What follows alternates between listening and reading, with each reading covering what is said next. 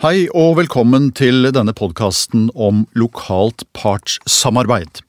Hva er det som egentlig foregår i møtet mellom arbeidsgiver og arbeidstaker? Hvordan er det, og hva er det som møter deg som tillitsvalgt og som representant for arbeidsgiver? Med oss i studio har vi Jan Thomas Lind, seniorrådgiver i Kriminalomsorgens yrkesforbund, og Bård Knutsen fra HR-seksjonen på Stortinget. Og Jan Thomas, vi begynner med deg. Sist du var i møte med arbeidsgiversiden, hva diskuterte dere? Vi diskuterte helt ordinære problemstillinger som, eh, som, dukker opp i partssamarbeidet. Det var rene informasjonssaker. Eh, vi hadde en informasjonssak knytta til omstillingsprosess, som er eh, veldig vanlig. Vi har omstillingsprosesser stort sett, i hvert fall årlig. Så hadde vi en informasjonssak rundt regnskap. Så hadde vi et par drøftingssaker, hvorav den ene var en, en helt vanlig arbeidsplandrøfting. Og så hadde vi én forhandlingssak som var knytta til et uniformsreglement. Så det, det viser jo bredden og spekteret i, i, de sakene vi møter. Mm. Bård Knutsen fra HR-seksjonen på Stortinget. Jeg regner med at du kjenner igjen den type saker og diskusjoner. Ja. Var du fornøyd etter ditt siste møte med de tillitsvalgte? Ja, faktisk. Det vil jeg si. Eh, vi hadde jo en sak som eh, gikk på en av de tingene Jan Thomas nevnte. Dette med omstilling og organisasjonsendring. Eh, hvor det var en sak hvor vi skulle opprette en ny enhet, en ny seksjon. Eh, og det er jo en veldig sammensatt sak. Det dreier seg om alt fra arbeidsmiljøforhold til oppgavefordeling til organisering osv. Så, videre. Eh, så det er, eh, det er en veldig typisk sak blitt, dette med endringer. Og som utfordrer både ledelse og tillitsvalgte til hvordan man skal finne fram til en god samarbeidsløsning rundt eh, sånne spørsmål. Nettopp fordi det er så sammensatt. Kan du gi oss litt insight fra Stortinget? Da? Første gang du gikk i et forhandlingsmøte, var det forresten på Stortinget? Nei, det var Nei. ikke der. Men første gang du gikk i et forhandlingsmøte, kan du, husker du det? Ja, det var sånn tillitsvalgt, da. Det var sånn tillitsvalgt. Eh, okay, ja, I en litt sånn større sammenheng hvor jeg ble kasta ut i det etter å ha fått et oppdrag å representere en organisasjon. Og det var jo i et departement. Eh, og der satte det jo folk fra veldig mange forskjellige organisasjoner. Og det sett ganske mange også fra departementets ledelse der. Så eh, min opplevelse av det var at eh, her gjelder det bare å gjennomføre best mulig. Og, men å være ærlig på at eh, jeg er ny, jeg kan ikke så veldig mye om dette. Så min oppgave var først og fremst nesten å forsøke å orientere meg om hva slags setting dette er. Og så være ærlig på det. For jeg tror at, og det kan jeg si som arbeidsgiver også, arbeidsgiverrepresentantene er jo stort sett opptatt av at det skal bli et godt møte for alle. da å legge til rette for, enten du er ny eller dreven, så skal det være et godt møte og hjelpe til med å legge til rette for det. Og også hjelpe de som er nye med å forstå både saksinnhold og prosess rundt uh, samarbeidsmøtet. Husker du ditt første møte? Ja, da, jeg, jeg, husker det veldig godt. Og, det, og, jeg var jo arbeidsgiverrepresentant i mitt første møte. Uh, og det er klart at uh, sånn i ettertid så ser en jo tilbake igjen på det og, og tenker at han var usedvanlig eh, lite kunnskapsrik i forhold til det ståstedet han har nå.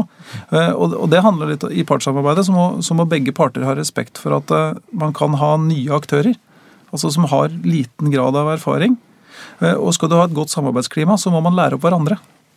Arbeidsgiverrepresentantene må lære opp de tillitsvalgte, og motsatt. Og, og, og man blir aldri ordentlig utlært på samarbeidsklima. For det, altså, Skal man oppfylle eh, formålsparagrafen i, i, hovedavtalen, da skal du ha drevet på en stund. Mm. Hva er det verste som kan skje i et sånt eh, partssamarbeid, møte? Det verste som kan skje, er at partene slenger paragrafer i ansiktet på hverandre. Altså nå bryter du den og den bestemmelsen, eller nå oppfyller du ikke de grunnleggende bestemmelsene i, om partssamarbeid.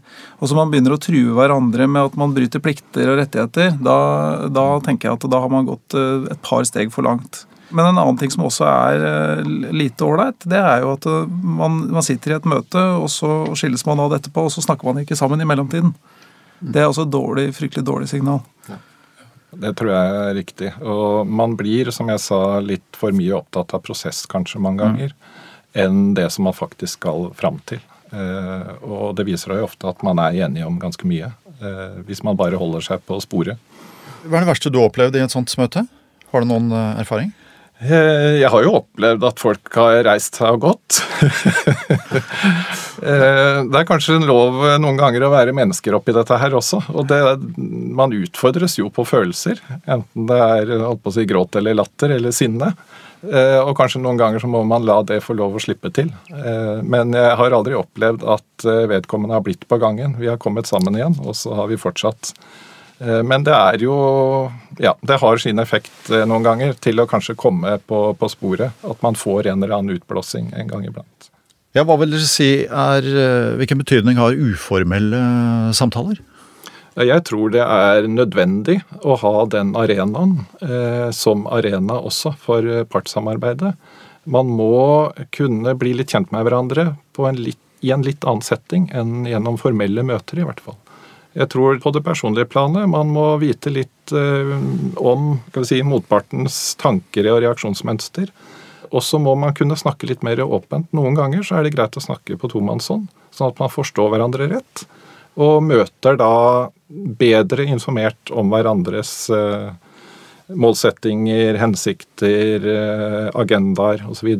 i de mer formelle foraene. da. Er dette også din erfaring, Thomas? Ja, Vi ser jo det veldig godt i etterkant av disse årlige samarbeidsseminarene som, som foregår på ulike nivåer. at det, Da får man en umiddelbar bedring eh, i kommunikasjonsmønsteret. Altså, da har man utviklet personlige relasjoner, både på faglig grunnlag, men også sosialt.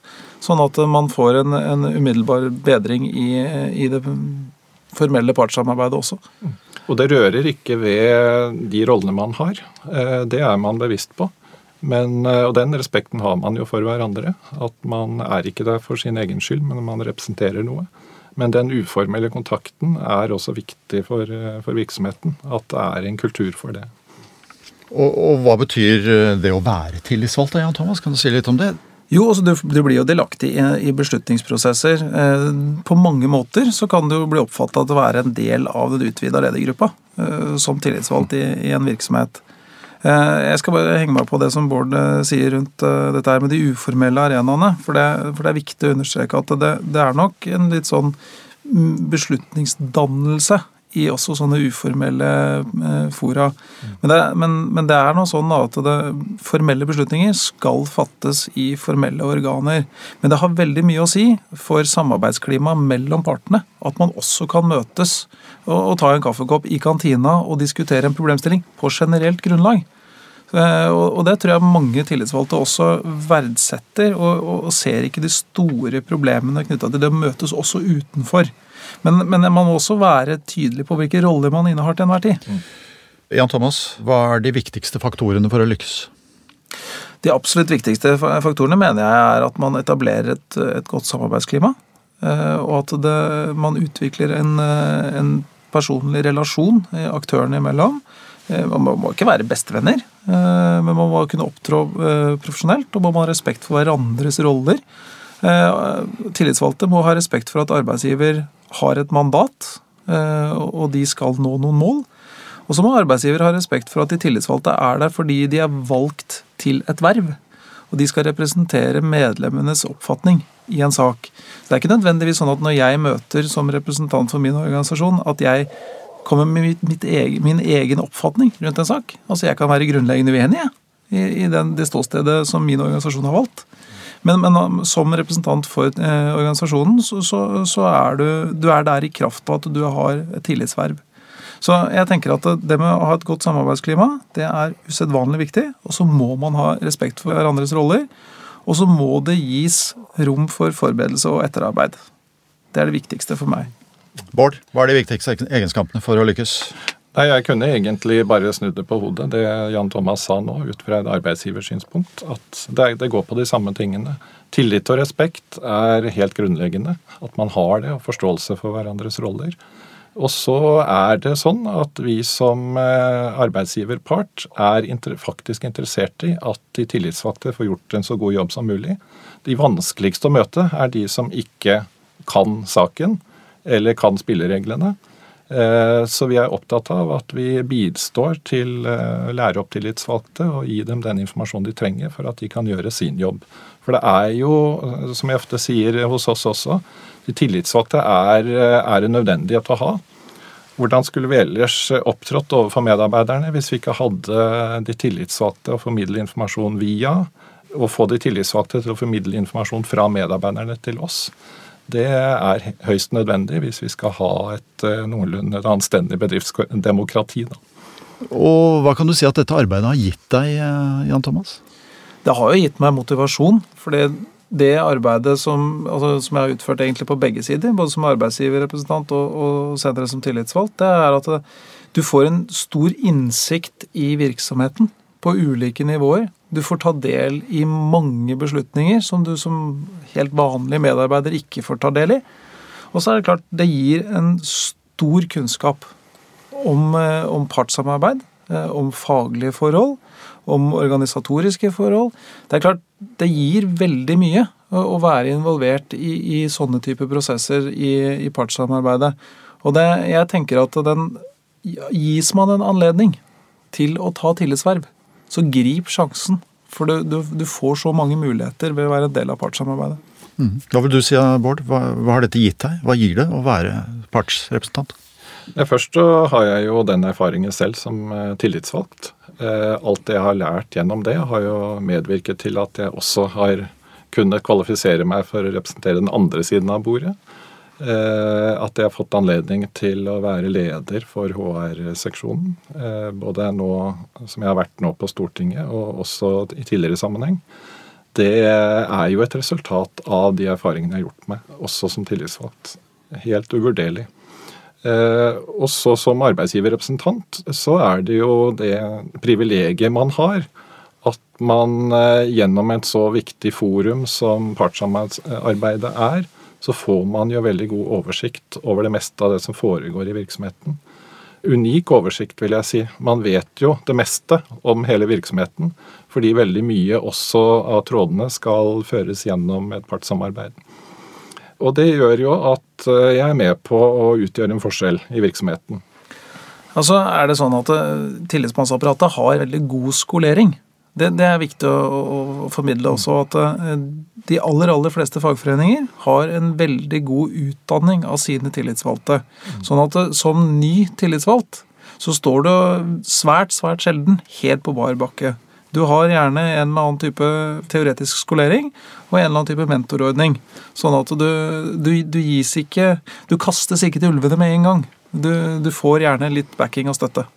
Så vil jeg jo si at uh, det er jo gøy eh, veldig ofte, da. Man kan bruke humor. Det er ikke noe sånn alvorlig stemning bestandig rundt ting. Det går an å ha det gøy og bruke humor. Og humor er kanskje undervurdert også i sånne sammenhenger som et godt virkemiddel til å ha det bra sammen som parter.